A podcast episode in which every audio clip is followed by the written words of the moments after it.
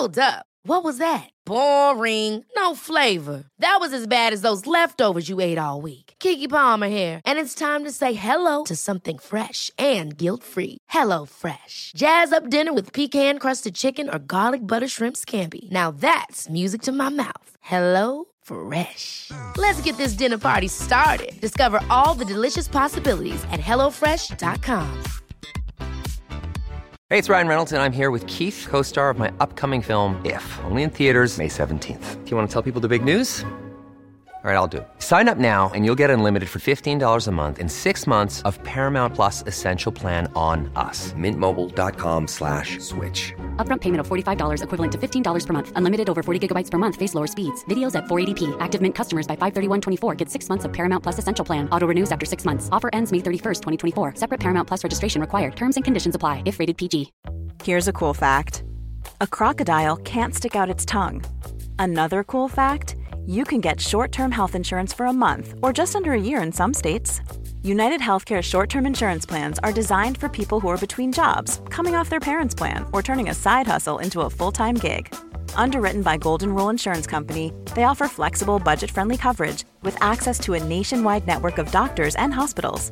Get more cool facts about United Healthcare short term plans at uh1.com. Palmemordet, Viktor Gunnarsson, del 8. Sveriges statsminister Olof Palme är död. 90 000. Ja, det är mord på Sveavägen. Hörde de säger att det är Palme som är skjuten.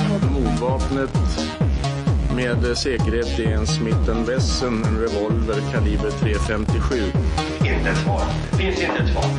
För jag har inget. Och jag har inte varit Varför skulle jag göra Polisen söker en man i 35 till 40-årsåldern med mörkt hår och lång mörk rock.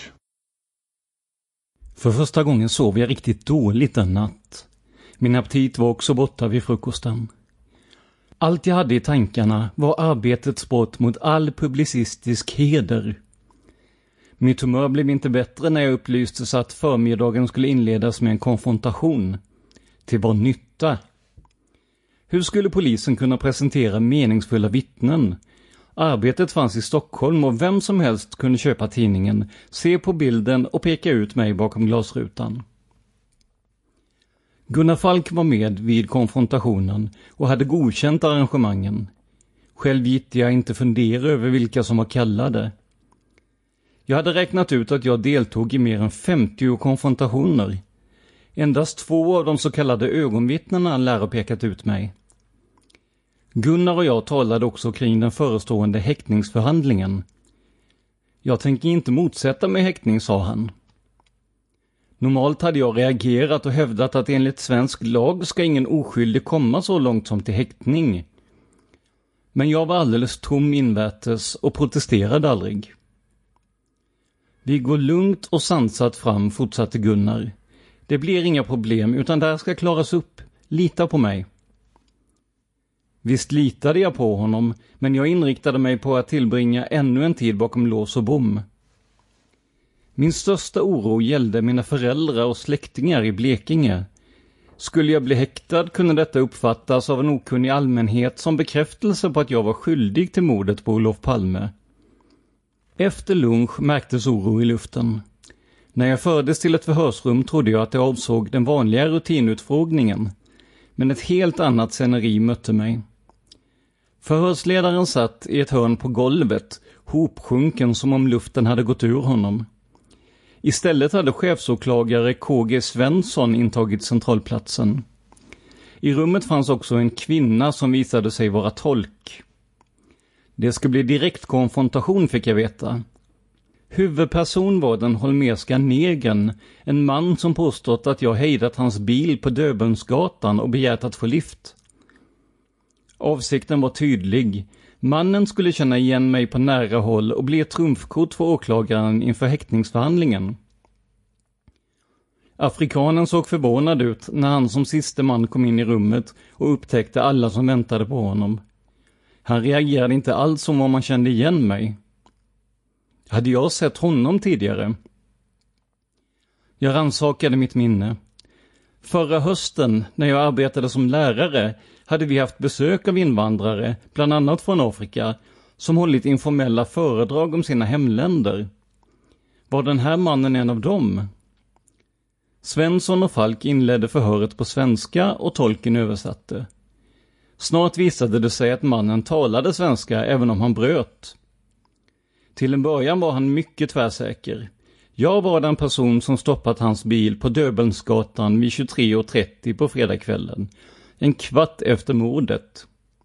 Vi hade pratat tre, fyra minuter, men samtalet blev något knackigt eftersom personen inte talat franska. Afrikanen kunde inte säga vad samtalet gått ut på.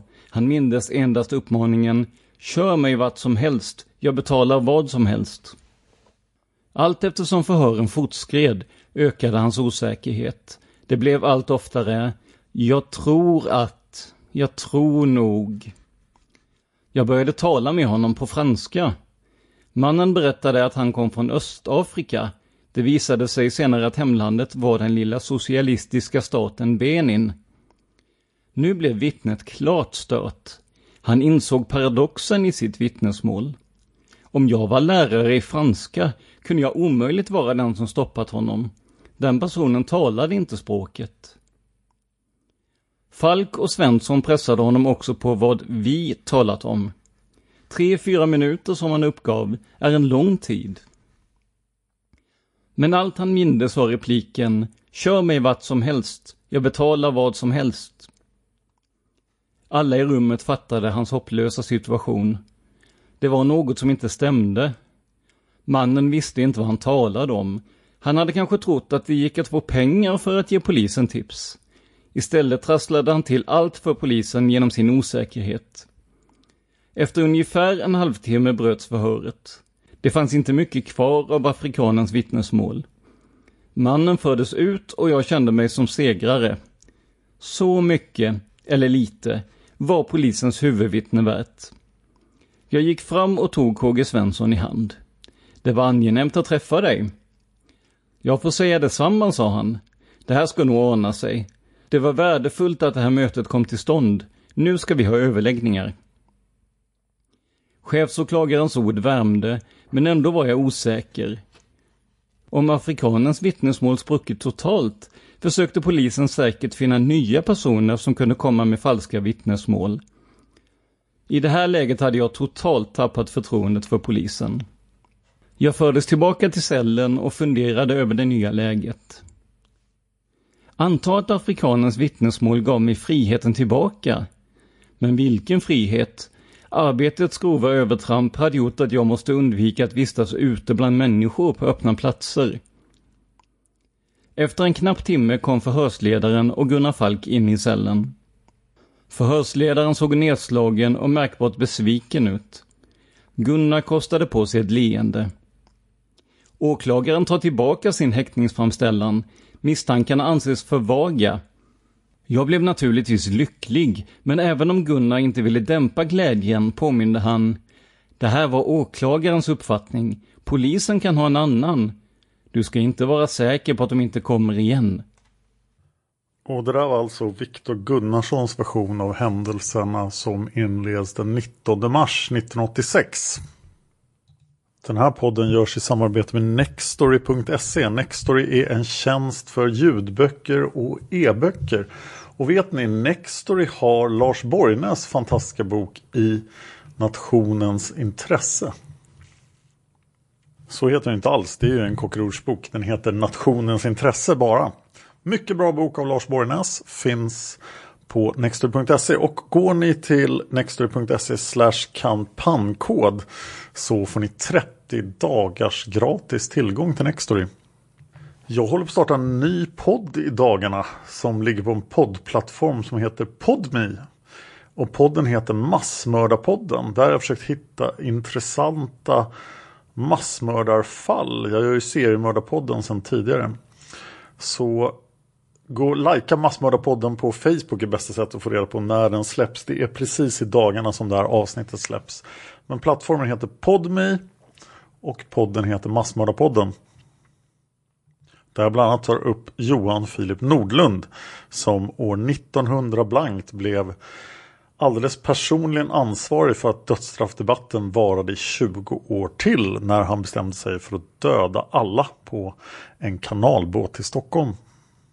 Nu tillbaka till Viktor Gunnarsson. För att få en mer nyanserad bild av vad som hände här med eh, afrikanen Ibrahim och med Holmer och KG Svensson så går jag till Inuti labyrinten. Denna fantastiska bok av bröderna Putiainen. Och där kan man läsa följande. På morgonen 19 mars begav sig Lage Karlström, han är alltså assisterande åklagare till KG Svensson, till Stockholmspolisens våldsrotel för att läsa igenom en del av protokollen från de förhör polisen hållit. Det var en ren rutinåtgärd i samband med förberedelserna för häktningsförhandlingen dagen därpå. När Karlström läste måste bildligt talat håret ha rest sig på hans huvud, anser bröderna Putiainen. Ingenting stämde ju med de föredragningar han och KG Svensson hade fått av Börje Wingren. Till exempel hade Ibrahim inte alls pekat ut Viktor Gunnarsson med 100% säkerhet, som Börje Wingren hävdat. Och den regelvidriga fotovisningen dagen före spegelkonfrontationen hade åklagarna inte informerats om. Karlström tillkallade KG Svensson och när denne såg hur det förhöll sig blev han naturligt nog mycket upprörd. Hans beslut om häktningsframställning hade tagits på falska premisser. Överåklagare Claes Seime, som var KG Svenssons närmaste chef, beskrev hans känslor så här. Även om de samtal jag hade med KG sedan kanske gjorde att han verkade vara hade intagit med hänsyn till vad han tyckte hade blivit lurad av polisen han intog närmast en försvarsattityd. Allt, all bevisning föll platt till marken därför att han hade blivit lurad enligt hans egen mening. KG Svensson ansåg alltså att polisen hade lurat honom till att begära häktning av Viktor Gunnarsson. Det första han gjorde, när han förstod att han blivit förd bakom ljuset, var att kontakta Hans Holmer. Han ringde direkt medan han och Karlström fortfarande var kvar i våldsrotens lokaler och bad länspolismästaren komma omedelbart. Hans Holmér har givit sin version på sid 141 i sin bok av vad som hände när han och Wranghult kom dit. Så det här är alltså Hans Holmér från boken Olof Palme skjuten. I korridoren går redan åklagaren och vankar. KG Svensson är upphetsad och ber oss följa med in på ett sammanträdesrum. I gäll ton förklarar han att åklagaren har fått reda på att vittnet Ibrahim förevisats ett fotografi med bland annat Gunnarsson dagen före den valkonfrontation som hållits på söndagen. Han hade inte känt igen Gunnarsson på fotot och hans vittnesmål är nu oanvändbart eftersom konfrontationen saknar bevisvärde. Holmer försöker övertala Svensson att inte ta så hårt på oegentligheterna. Han menar att de inte är så allvarliga.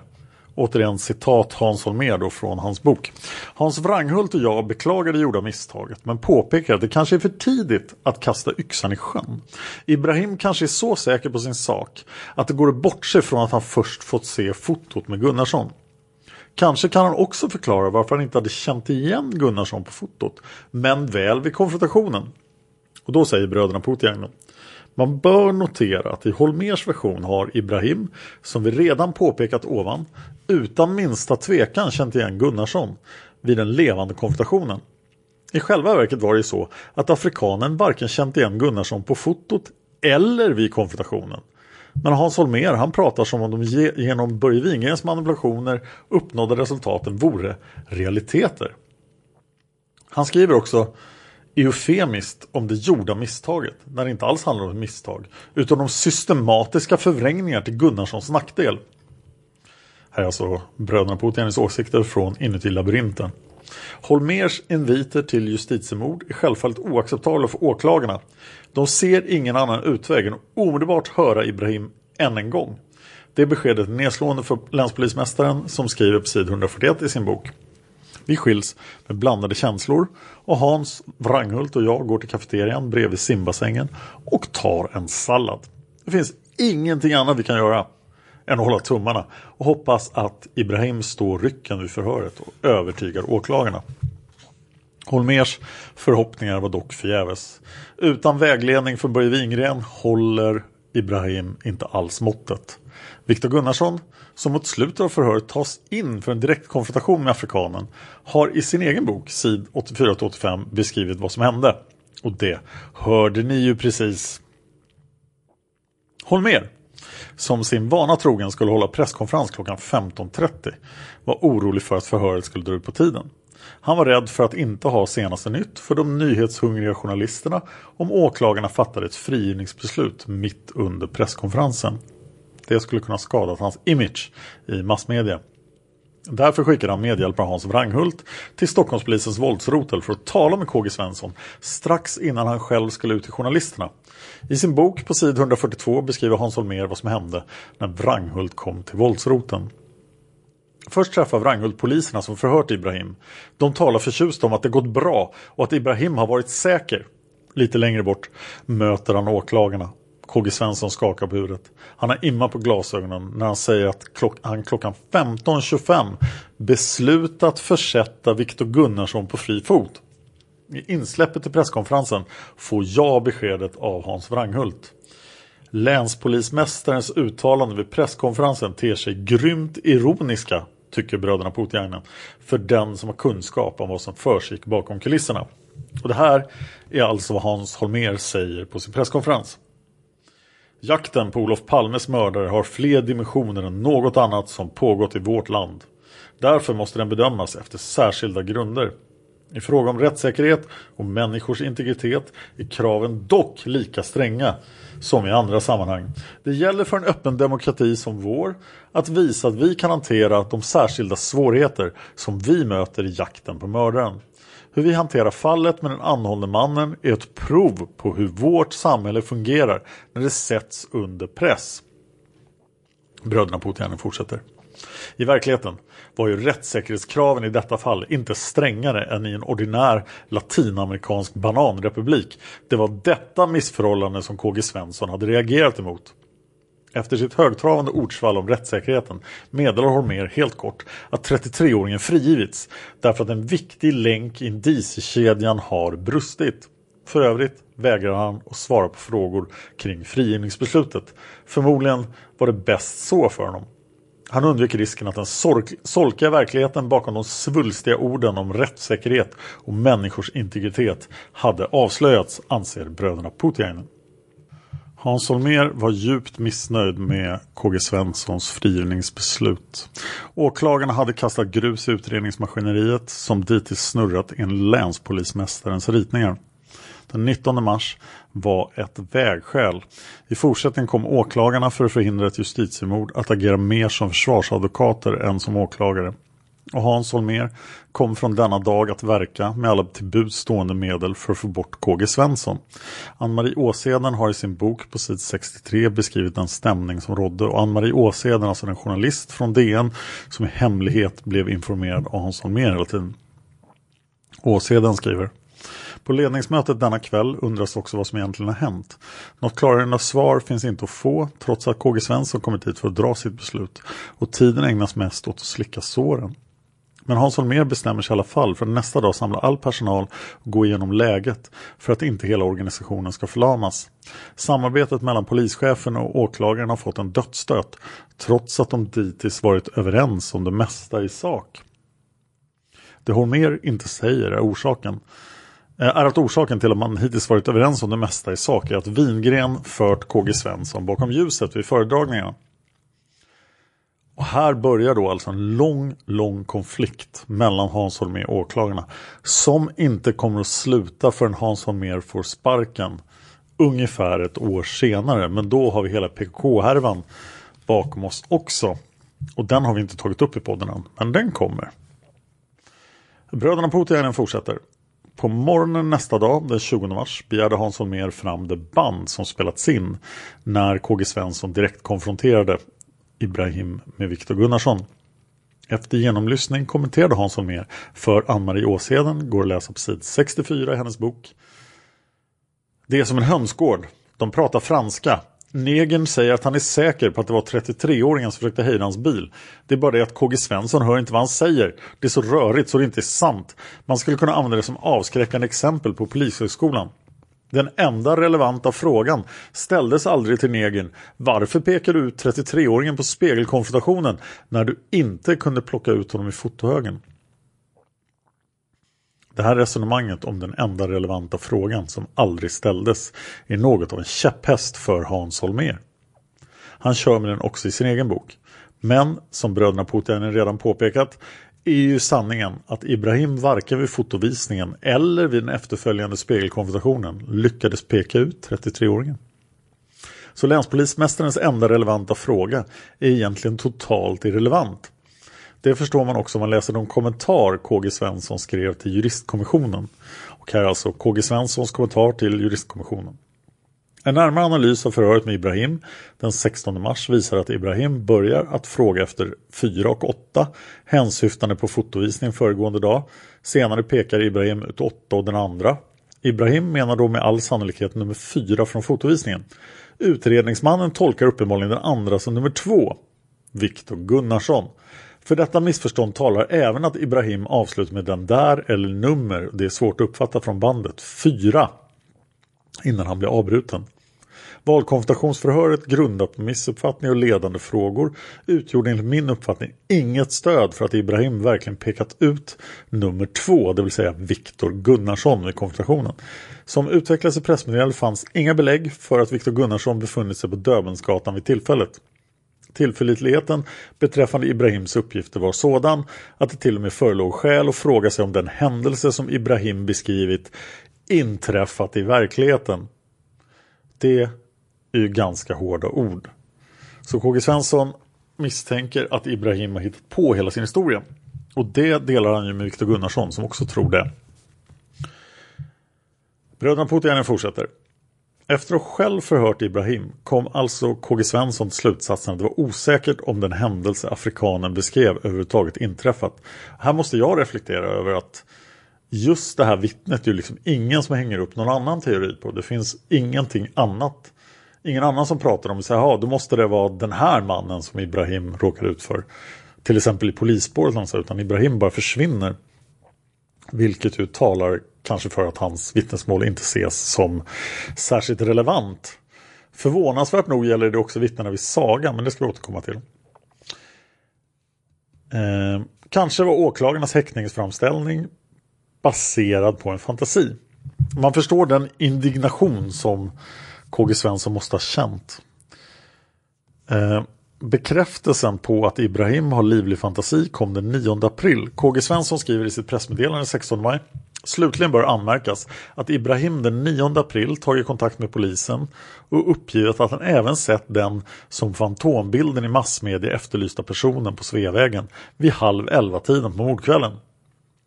Bröderna Putin tycker att kommentarer är överflödiga men jag måste inflika att om Ibrahim nu tror sig ha sett fantombilden som ju vet inte föreställer någon riktig människa så behöver inte det betyda att hans första uppgift är felaktig. Bröderna Putiainen fortsätter. På eftermiddagen den 20 mars efter att ha lyssnat igenom bandet från den av KG Svensson ledda direktkonfrontationen mellan Viktor Gunnarsson och Ibrahim beger sig Hans Holmér till överåklagare Claes Seime, KG Svenssons närmaste chef. Hans Holmers ärende att övertala Seime att avsätta KG Svensson som förundersökningsledare. Och Seime berättar om det här för juristkommissionen. Samma dag eller dagen efter blev Seime uppsökt av Hans Holmer och Hans Wranghult de begärde att KG Svensson skulle bytas ut mot någon annan åklagare. Skälet till denna begäran var att Svensson blivit så upprörd och inte ansågs behärska situationen. Eller som Hans Holmér uttryckte det, han hade inte is i magen. Men en anklagelse som inte har is i magen är en ganska lös grund att bygga på om man vill flytta en förundersökningsledare. Så Seime ringde nästa dag den 21 mars och meddelade Hans Holmér att han inte kunde flytta på KG Svensson. Länspolismästaren gav dagen dock inte upp så lätt. På lördagen den 22 mars skickade han iväg Hans Wranghult för att övertala KG Svensson att på nytt anhålla Viktor Gunnarsson. Övertalningsförsöket irriterade åklagaren. Enligt Hans Holmér uppträdde Wanghult mycket hovsamt och diplomatiskt. Men KG Svensson blev ändå arg och började föreläsa för Wranghult om hur man häktar folk. Det står om det här i Åshedens bok på sid 67. KG Svensson gick inte att övertala men länspolismästaren hade kraftfullare medel att tillgå. Han bestämde sig för att använda de kanaler som finns i varje land mellan de högsta polisorganen och regeringen. Dåvarande justitieminister Sten Wickbom beskrev på ett koncist sätt dessa kanaler för juristkommissionens Nils-Olof Berggren. Eh, Berggren då i juristkommissionen säger Kjell Larsson har inför kommissionen i något sammanhang sagt när man diskuterade information från polis och åklagare att han hade uppfattningen att man från åklagarsidan egentligen inte var så intresserad av att lämna samma sorts direkt information till departementet som polisen gjorde. Men han kunde inte närmare redogöra för vad den uppfattningen grundade sig på. Är det en uppfattning som du har hört eller hörde också? Wickbom svarar till juristkommissionen nej. Däremot så fann det naturligare att i första hand få information från polisen. Det är så vi är vana att jobba. I alla de mål och ärenden om brott med säkerhetsaspekter så får vi ju den fortlöpande informationen från polisen. Och det finns så att säga ingen praxis på åklagarmöten. Det här kommer då från juristkommissionens förhör med Sten Wickbom 1987 09 10. Hans Holmér utnyttjade på ett skickligt sätt de av Wickbom beskrivna kontaktkanalerna för att sätta press på åklagarna. Han hade god hjälp av statssekreteraren i justitiedepartementet Harald Fält som var villig att ställa upp som springpojke för polisen, säger bröderna Puutiainen i Inuti labyrinten. Eh, finns en fotnot där. Det var en roll som Harald Fält skulle ta på sig många gånger längre fram. I Anders Larsson-härvan ljög han ju till och med för polisens räkning. Det kan ni höra mer om i avsnittet Svensk extremhöger 1 som handlar om Anders Larsson. Harald Fälts första jobb som springpojke kom på lördagskvällen den 22 mars. Vid en privat födelsedagsfest denna kväll råkade han träffa riksåklagaren Magnus Sjöberg och passade då på att framföra polisens missnöje med KG Svensson. Harald Fält har själv berättat om det här för juristkommissionen.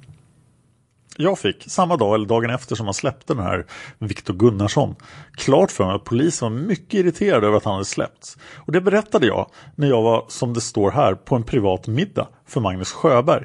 Det var alltså när den allmänt bekante Staffan Magnusson fyllde 50 år. Precis när jag kommer dit så ser jag där Magnus Sjöberg. Jag hade inte en aning om att han skulle vara där. Då går vi avsides och då frågar jag honom om han kände till att man är oense mellan polis och åklagare om det där. Men det hade inte han hört talas om alls.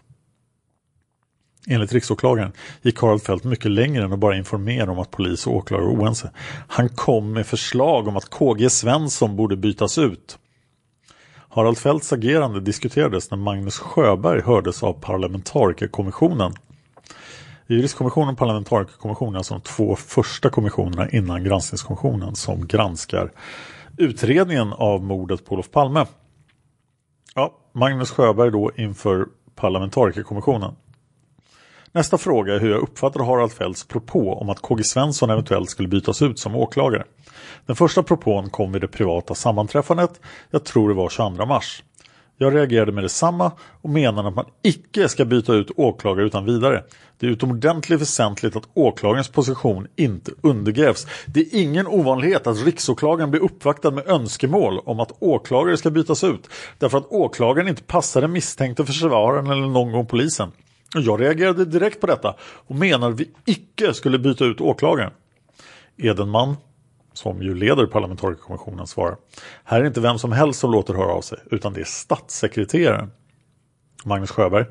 Det hjälper inte den situationen. Det var en helt ensidig information jag fick. Den information jag fick emanerade från polisen. Nordberg, förmodligen en ledamot då i parlamentarikerkommissionen, säger Var propån framförd som ett önskemål från Harald Fält? Sjöberg, ja. Nordberg, icke ett önskemål vidarebefordrat från polisen. Sjöberg, det var naturligtvis realiteten. Nordberg. Det är en väsentlig skillnad om det är Harald Fält som för fram propån om att byta ut KG Svensson eller om han vidarebefordrar ett önskemål från polisen. Magnus Sjöberg. Så fina distinktioner gjorde jag inte. Fält framförde klart önskemål om att man borde ta under övervägande om man inte skulle byta ut KG Svensson. Det återkommer Fält till senare vid en förnyad sammankomst. Torbjörn Fälldin, som sitter med här, säger var detta en direkt propå? Var det inte så att Fält ville jämföra ditt intryck med polisens intryck? Magnus Sjöberg svarar. Det var en propå. Jag har gjort anteckningar från den tiden och vi kan se vad jag har skrivit. Jag har skrivit något mer nyanserat. Han förde på tal om inte annan åklagare borde sättas målet. Men jag ställde mig avvisad till sådan propå och hänvisade till KG Svenssons stora erfarenhet och kunnighet som åklagare. Jag lovade dock att kontakta Seime och KG Svensson på lämpligt sätt. Och det utmynnade samtalet i. Winberg, också en ledamot i parlamentarikerkommissionen, säger Det är så subtilt. Kände du i läget att man inom kanslihuset tog ett steg för långt och gick in på saker som inte angick dem? Magnus Sjöberg svarar Nej, men mitt primära och bestående intryck av situationen är att man accepterade polisens synpunkter direkt. Det här var alltså parlamentarikerkommissionens förhör med Magnus Sjöberg från 1988 02 08. Bröderna Putiainen fortsätter. Det är i och för sig naturligt att en regering accepterar de bedömningar som görs av den högsta polisledningen i landet. Detta gäller särskilt ett land som Sverige, där Säkerhetspolisen ingår som en del i den reguljära polisorganisationen. Om en regering i ett sådant land tvivlar på uppgifter som rikets högsta polischefer ställt sig bakom innebär det i praktiken en misstroendeförklaring mot det organ som ytterst ansvarar för rikets säkerhet. Så det var inte någon lätt sits Hans Holmér försatte regeringen i. Man kan undra vad det var som drev länspolismästaren att ta till så här drastiska metoder. Varför var det så viktigt för Hans Holmér att få bort en åklagare som inte var beredd att kompromissa om rättssäkerheten? På måndagen den 24 mars var Magnus Sjöberg uppe hos justitieministern i ett tillsättningsärende. Wickbom tog upp läget i mordutredningen. Han var bekymrad över motsättningarna och bad riksåklagaren efter mötet tala med Harald Fält. Den upprepade sin propå från lördagen om att KG Svensson borde bytas ut. Den här gången föreslog han också ett namn. Riksåklagaren Magnus Sjöberg berättar. Han nämnde enligt mina anteckningar och enligt min bestämda minnesbild chefsåklagare Lars Ringberg såsom lämplig ersättare för Svensson. Jag avvisar den propån och förklarade för honom att man inte byter ut åklagare utan vidare och att man måste skydda åklagare när de trängs. Det var dock inte möjligt för riksåklagaren att vara helt kallsinnig till Harald Fälts propåer. Han gav vik. One size fits all seemed like a good idea for clothes. Nice dress. Uh, it's a t-shirt. Until you tried it on. Same goes for your healthcare. That's why United Healthcare offers a variety of flexible, budget friendly coverage for medical, vision, dental, and more. So, whether you're between jobs, coming off a parent's plan, or even missed open enrollment, you can find the plan that fits you best. Find out more about United Healthcare coverage at uh1.com. That's uh1.com. Hold up. What was that? Boring. No flavor. That was as bad as those leftovers you ate all week. Kiki Palmer here, and it's time to say hello to something fresh and guilt-free. Hello Fresh. Jazz up dinner with pecan-crusted chicken or garlic butter shrimp scampi. Now that's music to my mouth. Hello Fresh. Let's get this dinner party started. Discover all the delicious possibilities at hellofresh.com. Quality sleep is essential. That's why the Sleep Number Smart Bed is designed for your ever-evolving sleep needs. Need a bed that's firmer or softer on either side? Helps you sleep at a comfortable temperature? Sleep Number Smart Beds let you individualize your comfort so you sleep better together. JD Power ranks Sleep Number number 1 in customer satisfaction with mattresses purchased in-store. And now, save 50% on the Sleep Number limited edition Smart Bed for a limited time. For JD Power 2023 award information, visit jdpower.com/awards. Only at a Sleep Number store or sleepnumber.com. Så tillvida att han dagen därpå, den 25 mars, sammankallade ett möte där förutom Palmeåklagaren och ett par utredningsmän också hela toppskiktet från riksåklagarämbetet deltog. KG Svensson uppfattade mötet som klart politiskt betingat. KG Svensson berättar jag fick tämligen snart klart för mig att anledningen till att jag hade kallats till riksåklagaren var att det från justitiedepartementet hade framförts anmärkningar mot mitt sätt att sköta åklagaruppgifterna. Det kan inte ha gällt någonting annat än det förhållandet att jag hade släppt Viktor Gunnarsson. Ett av de klaraste uttrycken för det var väl ett yttrande från riksåklagaren av beskaffenhet att Claes Seime var en mycket erfaren åklagare och att jag skulle ta råd av honom. Jag uppfattade det nästan som en order att söka råd och det tyckte inte jag om. Det hela uppfattade jag som ett uttryck för den misstro som riktades mot åklagaren. Och det här kommer från parlamentarikerkommissionens förhör med KG Svensson 1988 01.25. Bröderna Putiainen fortsätter. Nästa dag, onsdagen den 26 mars, infann sig riksåklagaren tillsammans med chefen för riksåklagarens tillsynsbyrå Uno Hagelberg hos Harald Fält för att rapportera om mötet med Palmeåklagarna. Denna gång tog inte Fält emot eh, ensam utan även rättschefen i justitiedepartementet Johan Munk och regeringens observatör i Hans Holmérs ledning, ledningsgrupp Claes Bergenstrand var med. Riksåklagaren berättar om samtalen. Då fick vi på nytt polisledningens syn på åklagarnas situation framställd för oss. Vid det samtalet kom det fram kritik från justitiedepartementet om hur åklagarna hade handlagt ärendet. Framförallt var man skeptisk att man hade släppt Viktor Gunnarsson och vidare diskuterades en vägrad, telefon, en vägrad telefonavlyssning. Både Uno Hagelberg och jag fick då det bestämda intrycket att i varje fall tjänstemän i detta sammanhang helt hänförde sig till polisens uppfattning. Vi fick ett bestämt intryck av att man, om jag får uttrycka mig lite slarvigt, höll på polisen. Men jag har skrivit att det kom till uttryck i sådan grad att både jag och Uno Hagelberg, det var alltså chefen för riksåklagarämbetets tillsynsbyrå, var betänksamma när vi gick från justitiedepartementet. Det var alltså sådan slagsida till polisens förmån i regeringens inställning att det låg sordin på stämningen när riksåklagaren och Hagelberg lämnade departementet. Ledamöterna i parlamentarikerkommissionen hade nästan svårt att tro att det kunde gå till på det här sättet. Hovrättspresidenten Håkan Winberg undrade om han verkligen hade fattat saker och ting rätt. Winberg säger då i parlamentarikerkommissionens förhör med Magnus Sjöberg. Har jag antecknat rätt att justitiedepartementet inför dig har kritiserat två åtgärder som åklagarna vidtagit i egenskap av förundersökningsledare helt enligt rättegångsbalken? Där går justitiedepartementet in och framför kritik mot åklagaren. Magnus Sjöberg, ja. Bröderna Putiainen avslutar. Under det här trycket var KG Svenssons sorti ur utredningen bara en tidsfråga. Men innan den dagen randades var KG Svensson fast besluten att rädda Viktor Gunnarsson från det justitiemord som var på gång.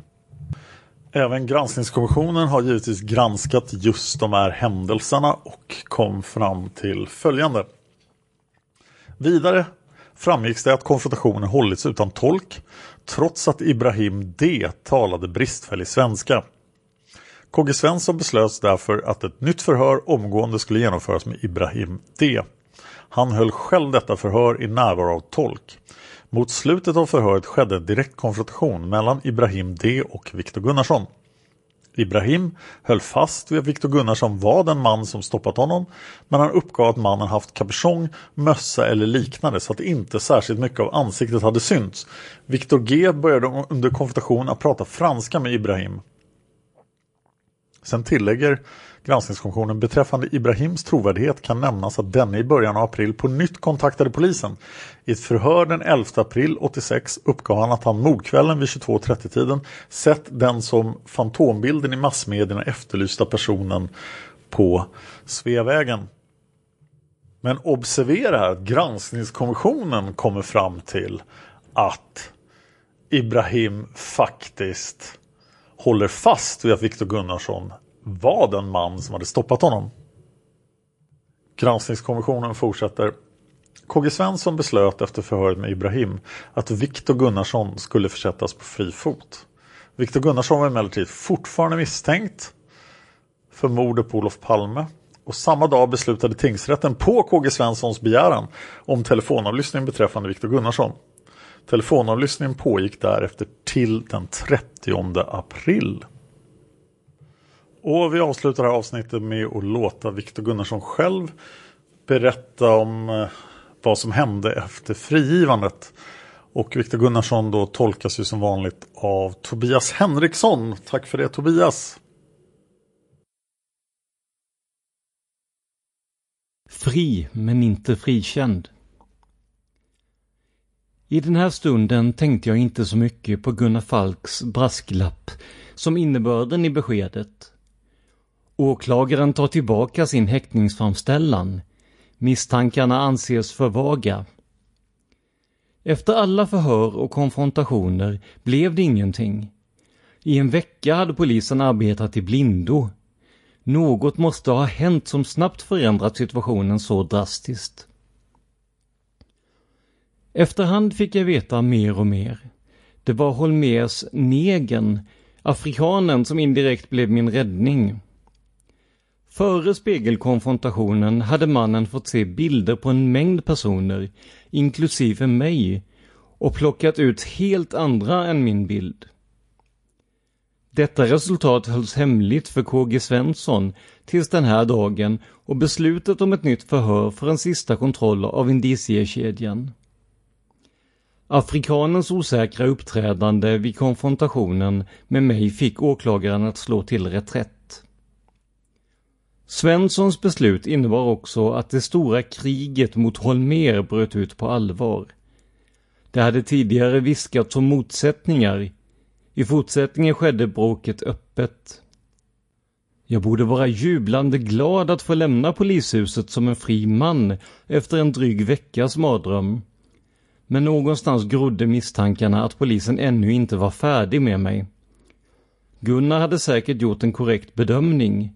Holmer tänkte inte låta mig komma undan så lätt när han en gång för alla beslutat sig för att göra mig till syndabock.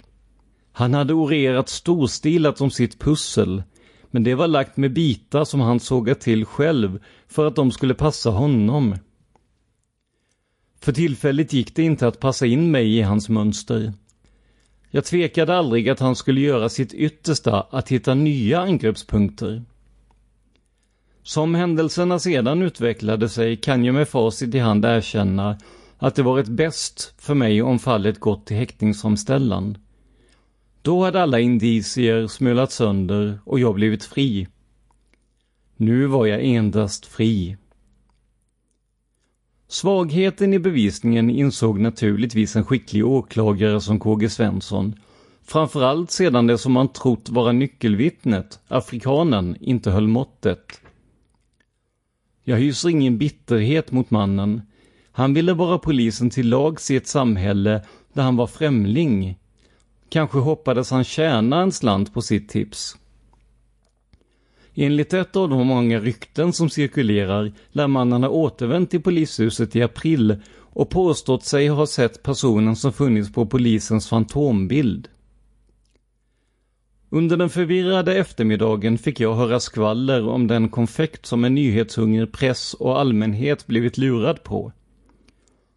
Polisen hade fruktat attentatsförsök mot mig och häktningsförhandlingen var planerad i en speciell säkerhetssal med ett rekordstort uppbåd av poliser. Civila poliser skulle utplaceras i byggnaden mitt emot för att stoppa eventuella prickskyttar. Alla närvarande vid förhandlingen måste passera en metalldetektor och en del kroppsvisiteras av polismän i skottsäkra västar. Säkerhetskontrollen och inpasseringen beräknades ta en timme i anspråk. Varför allt detta står hej frågade jag polisen som skvallrat. Det finns folk som vill knäppa dig därför att de tror att du är knäppt Palme. Eller du kan ha medbrottslingar som vill tysta dig. Befann jag mig i Sverige? Allt sammans föreföll vara helt absurt. Kafka, en av mina favoritförfattare, kunde inte ha tänkt ut en mer overklig stämning. Det skulle även ha kommit en celeber gäst till förhandlingen. Hans Holmer. För första gången hade jag haft tillfälle att se honom i ögonen, om han vågat möta min blick. Och så blev det platt intet av detta stora rättsliga evenemang. Istället för att efter ett domstolsbeslut om häktning stängas in på obestämd tid fick jag lämna polishuset. Också på obestämd tid, tänkte jag. Jag kvitterade ut mina kläder, utom flygarjackan som måste vara kvar till förfogande som det hette. Det var inte förrän Henning Sjöström ingrep ett halvår senare som den återlämnades. Min identitet började återvända, jag kände mig mer och mer som en människa. Men vart skulle jag ta vägen? Att gömma mig i lägenheten i Norsborg ansåg jag vara uteslutet. Tidningsfolket häckade förmodligen redan där för att få mig att tala ut. Inte heller kunde jag återvända till mitt föräldrahem. Jag hade ingen aning om stämningen bland ortsbefolkningen. Dessutom var det ingen som svarade när jag ringde hem. Min hjälpare i nöden var nära bekanta på västkusten. De hade kännedom om att jag var 33-åringen, men tvekade aldrig en sekund när jag tog kontakt, utan önskade mig välkommen. För sista gången satt jag i cellen där jag bett och gråtit så många gånger under den här veckan. Måtte jag aldrig någonsin uppleva en liknande tid. Min syster hade hört nyheten om frisläppandet på radion och berättade att hon grät av lättnad. Hon visste att mamma och pappa var helt ovetande eftersom de just då befann sig på flyget till Stockholm. De fick veta på Arlanda att jag var fri och hade ingen aning om var jag befann mig. Jag vet inte om det var för att skrämma mig in i det sista som en polis kallade fram mig till ett fönster och pekade på en folksamling utanför på gatan. Du vet att det finns folk som är beredda att döda dig. Jag blev skakad, det erkänner jag gärna. Det finns överallt sinnessjuka människor som kan utföra impulshandlingar. Men innerst inne var jag inte rädd för attentat mot min person och medhjälpare som ville tysta mig existerade inte annat än i sjuka fantasier. Jag fruktade mera vad polisen skulle hitta på i fortsättningen. Jag misstänkte att ännu var inte sista kapitlet om 33-åringen skrivet. Jagad från plats till plats. De eventuella attentatsmän som traktade efter mitt liv blev grundlurade. Jag fördes ner i polishusets underjordiska garage och med påslagna sirener lämnade jag min påtvingade uppehållsort i hög hastighet. Bakom oss skuggade en annan polisbil. Jag vet inte om det var förstärkning av skyddet mot mig eller om dess besättning skulle rycka in och hjälpa kollegorna ifall jag planerade någonting. För många poliser var jag fortfarande Europas farligaste brottsling som man inte visste vad han kunde ta sig till. Två män från våldsroten var mitt sällskap under min första resa i frihet. De var körskickliga, pratglada pojkar som ville muntra upp mig. Men för tillfället var jag inte på prathumör. Den råa men hjärtliga jargongen, som det så vackert heter i alla sammanhang, uppskattade jag inte alls. Du, eh, nu när vi är ensamma kan du väl säga hur du gjorde? Erkänna för oss, vi skvallrar inte. Jag var inte upplagd för att käfta tillbaka. Jag orkade inte ens bli förbannad. Jag var utled på allt sammans och kröp ihop i baksätet. Grabbarna menade säkert inget illa, men de kunde omöjligt sätta sig in i den vånda som jag kände. De hade inte suttit anklagade för något som de inte varit skyldiga till. För dem var bilresan ett trevligt avbrott i rutintjänsten i Stockholm. Vi tankade på ett ställe, men annars körde vi i hög hastighet E6an mot västkusten. Inte en enda gång var jag utanför bilen. Vid 21-tiden hade vi nått slutmålet. Mina bekanta bjöd på kaffe och smörgås. Även poliserna som fortsatte att skoja grovkornigt till värdfolkets stora förvåning. Men det blev inte den vila som jag hade sett fram emot. Under vår resa hade utlösts något av en kedjereaktion. Mina bekanta hade efter mitt samtal från polishuset ringt min syster i Blekinge och berättat att jag var i antågande. När mina föräldrar sedan kom till Arlanda och möttes av nyheten att jag var frigiven och lämnat polishuset tog de kontakt med henne och fick beskedet om mitt slutmål. En komplikation var att de tagits upp till Stockholm av Hänt i veckan, som i gengäld ville göra en artikel om den stora återföreningen. Nu var de på väg hit i tidningens bil för att träffa mig. Mamma och pappa ville jag helst av alla träffa. Samtidigt ville jag minst av allt träffa journalister. Jag misstänkte också att sedan nyheten sänds ut via TT jagade landets journalistkår mig. Min syster uträttade ett fantastiskt arbete de här intensiva timmarna. Hon hade ordnat med ett nytt gömställe hos andra bekanta ett par mil bort där jag var välkommen att tillbringa åtminstone första natten i frihet. Efter förplägnaden fortsatte vi till nästa plats. Dessa vänner kunde inte fatta att jag var 33-åringen som alla talade om. Vi satt ett par timmar och pratade innan jag kröp ner mellan rena lakan i en vanlig säng. Jag tyckte det var evigheter sedan sist. Mina bevakare hade dragit sig tillbaka. Jag brydde mig inte om var. Trots det varma mottagandet hade mitt värdfolk antytt att de inte kunde ha mig som gäst en längre tid. Men de hade varit i kontakt med en präst som lovat hjälpa mig till ett nytt gömställe. Innan jag somnade tänkte jag på dagens upplevelser. En omtumlande dag som börjat i en cell på Kungsholmen och nu slutat i en skön säng någonstans på västkusten, gömd för omgivningen. Nästa morgon körde polisen mig till vårt första gömställe. Där vistades jag hela dagen tills prästen kom för att köra mig till sina bekanta. Jag har inte sagt vem du är, berättade prästen i bilen. Bara att du är en medmänniska som behöver en tids vila. Trots att jag aldrig träffat människorna tidigare tog de emot med öppna famnen. Polisen hade följt efter oss och när de såg min nya uppehållsort gav de sig iväg. Jag tvekade länge om jag skulle avslöja min rätta identitet. Nu trodde förmodligen mitt värdfolk att jag var alkoholist eller en annan urspårad existens. Till slut sa jag sanningen och märkte att de blev nervösa. Om någon känner igen dig kan vi inte skydda dig, sa mannen i huset. Jag tror inte vi kan ta på oss ett sådant stort ansvar. Vi ringde prästen att vi borde hitta ett nytt gömställe. Han tvekade aldrig. Jag känner massor av folk som är villiga att hjälpa. Efter tio minuter ringde han tillbaka. Jag har hittat en familj som gärna vill ta hand om dig. Jag kommer och hämtar.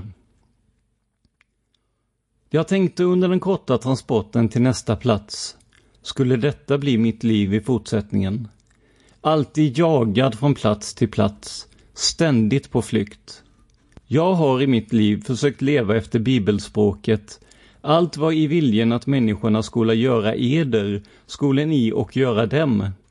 Jag har på alla vis velat hjälpa invandrare och andra som haft svårt i det svenska samhället.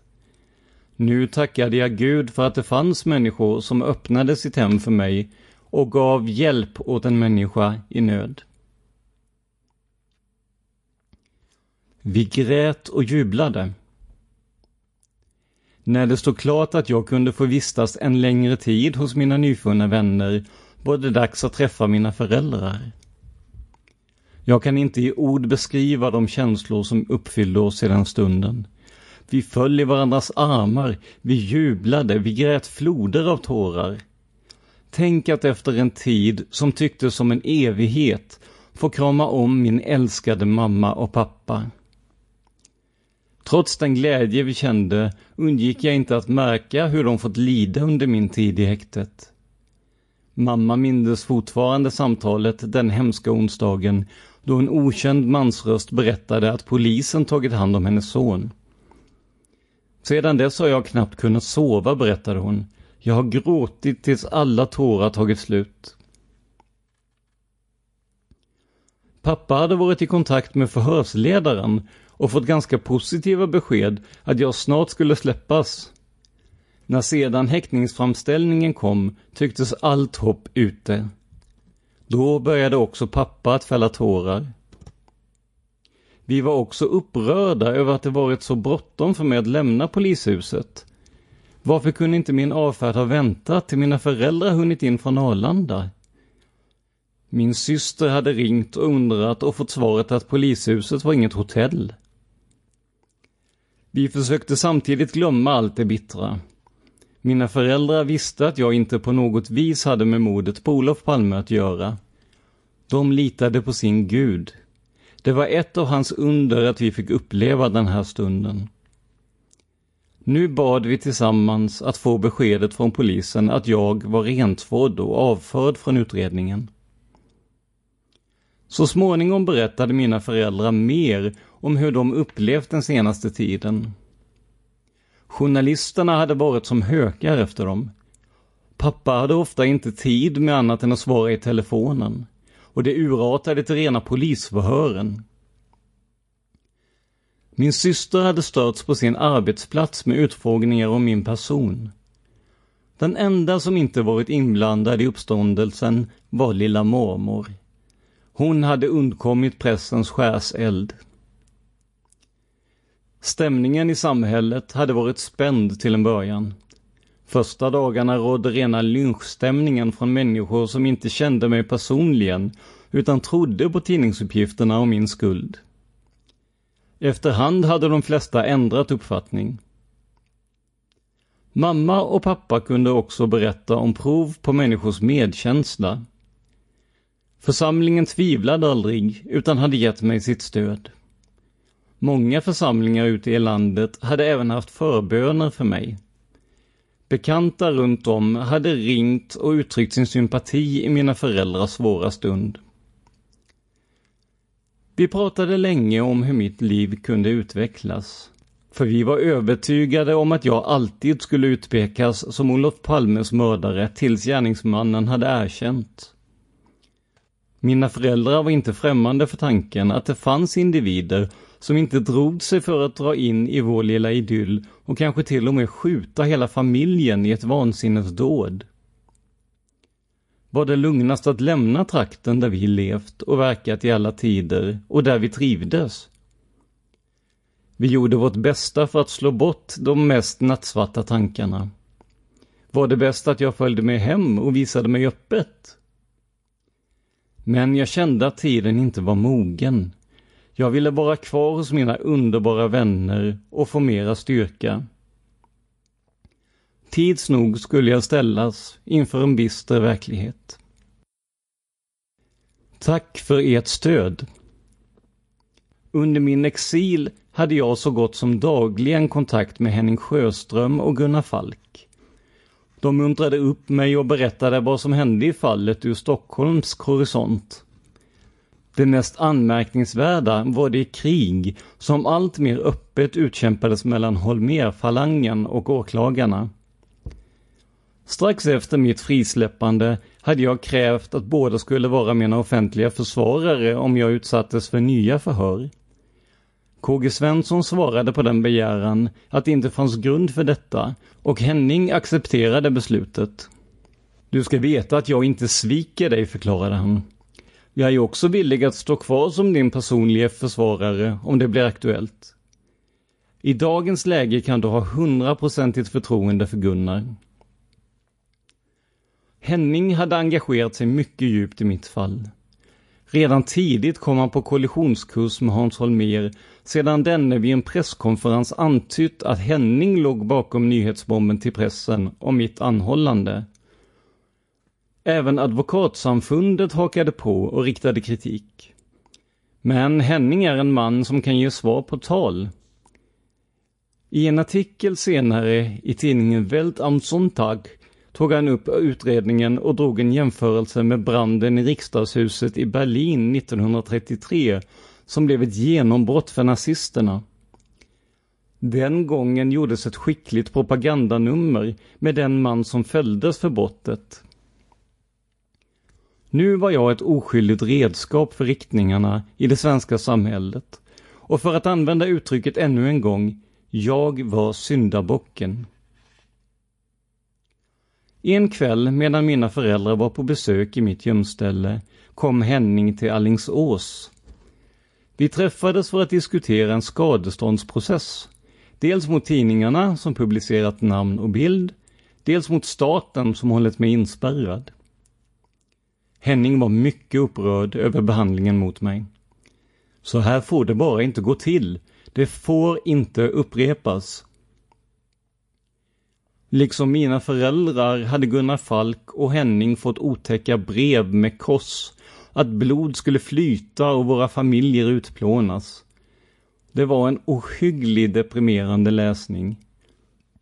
Pappa erkände till slut att han kastat flera brev i papperskorgen för att han inte orkade ha dem kvar. Framför allt var det publiceringen som diskuterades vid vårt sammanträffande. Jag hade läst alla artiklarna i Arbetet och fann handlingssättet fullkomligt omoraliskt. Det kan inte vara en tidnings rätt att döma före en domstol. Inte ens om jag blivit häktad hade det varit säkert att domen blivit fällande vid en kommande process. För rättvisans skull borde publiceringen först ske sedan den anklagade gått i fängelse. I synnerhet vid indiciemål, som mordet på Olof Palme, måste man vara mycket försiktig. Nu var skadan skedd. I den pressdebatt som seglat upp fick jag rätt av många framstående tidningsmän. Den som gör ett övergrepp borde straffas hårt. Det var både min och Hennings starka övertygelse efter vårt möte.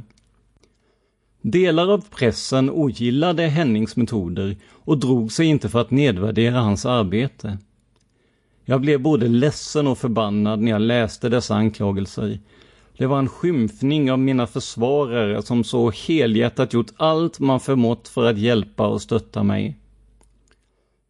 Utan att säga ett ord till någon, inte ens min pappa som jag annars alltid brukar fråga till råds, författade jag en skrivelse och sände till tidningarnas telegrambyrå.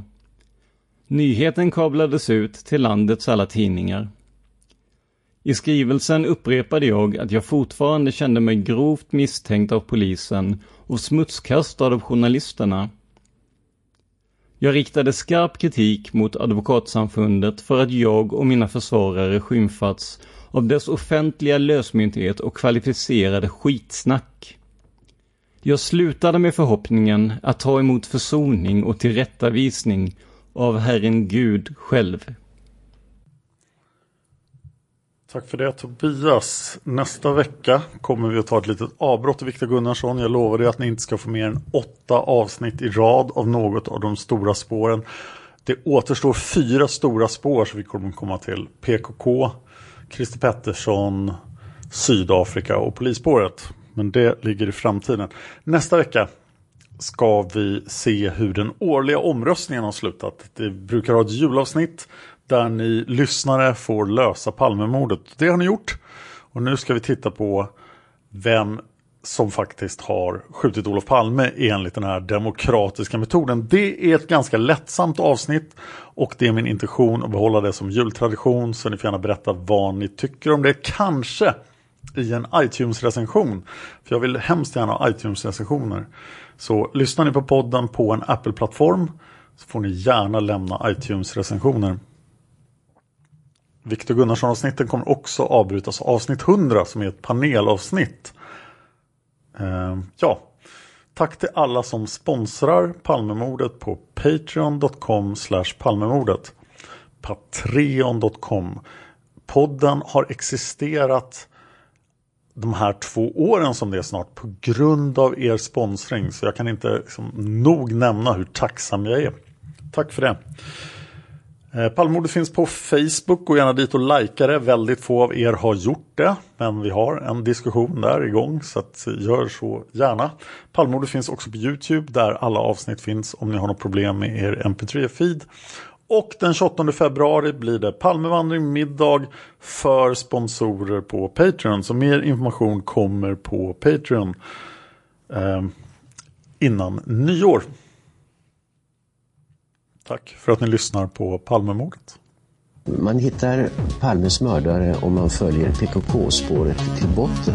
Därför att ända sedan Julius Caesars tid har det aldrig hört talas om ett mord på en framstående politiker som inte har politiska skäl. Polisens och åklagarens teori var att han ensam hade skjutit Olof Palme. Och det ledde också till rättegång. Men han frikändes i hovrätten. Nu ska vi ut på rövarstråt. Ja, vi ska ut och röva. Planning for your next trip? Elevate your travel style with Quince. Quince has all the jet-setting essentials you'll want for your next getaway. Like European linen, premium luggage options, buttery soft Italian leather bags, and so much more and is all priced at 50 to 80% less than similar brands. Plus, Quince only works with factories that use safe and ethical manufacturing practices. Pack your bags with high-quality essentials you'll be wearing for vacations to come with Quince. Go to quince.com slash pack for free shipping and 365-day returns. Hold up. What was that? Boring. No flavor. That was as bad as those leftovers you ate all week. Kiki Palmer here, and it's time to say hello to something fresh and guilt-free. Hello Fresh. Jazz up dinner with pecan-crusted chicken or garlic butter shrimp scampi. Now that's music to my mouth. Hello Fresh. Let's get this dinner party started. Discover all the delicious possibilities at hellofresh.com. When you make decisions for your company, you look for the no-brainers. And if you have a lot of mailing to do, stamps.com is the ultimate no-brainer. It streamlines your processes to make your business more efficient, which makes you less busy. Mail checks, invoices, legal documents, and everything you need to keep your business running with stamps.com. Seamlessly connect with every major marketplace and shopping cart. Schedule package pickups and see your cheapest and fastest shipping options from different carriers with rates up to 89% off USPS and UPS rates. And with the stamps.com mobile app, you can take care of mailing and shipping wherever you are. Make the same no-brainer decision as over 1 million other businesses with stamps.com. Sign up with code program for a 4-week trial plus free postage and a free digital scale. No long-term commitments or contracts. That's stamps.com. Code program.